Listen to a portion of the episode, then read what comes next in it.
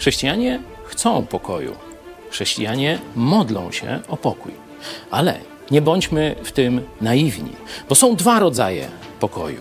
Jeden pokój przez kapitulację. Możesz mieć pokój, jeśli się poddasz, ale wtedy będziesz niewolnikiem. Wtedy ten, który wygra, zrobi z tobą co zechce.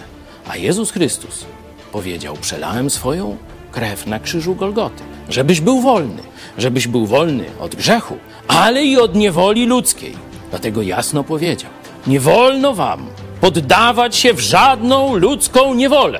Czyli ten rodzaj pokoju przez kapitulację jest grzechem. Drugi rodzaj pokoju to pokój przez zwycięstwo nad złem, nad tyranią. Jeśli zwyciężymy zło, jeśli pokonamy imperium zła, jeśli pokonamy tyrana, wtedy będziemy mieli pokój.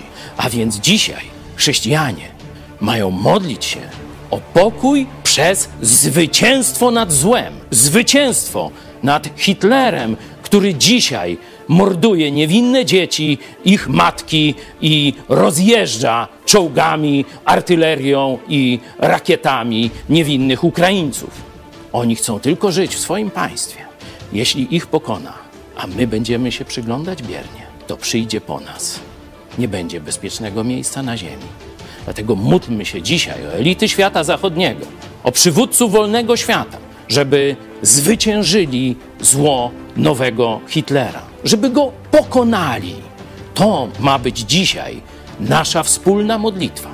Jeśli pokonamy zło, mam nadzieję, że Bóg da nam doświadczyć ogromnego rozkwitu Ewangelii o darmowym zbawieniu na te pogrążone w ciemności tereny dawnego Imperium Sowieckiego. To jest dzisiaj nakaz chwili, by modlić się o pokój, ale nie o pokój dla niewolników, nie o pokój niewolniczy, nie o pokój podszyty strachem, o pokój na zwycięstwie zbudowany nad złem. Tak nam dopomóż Bóg.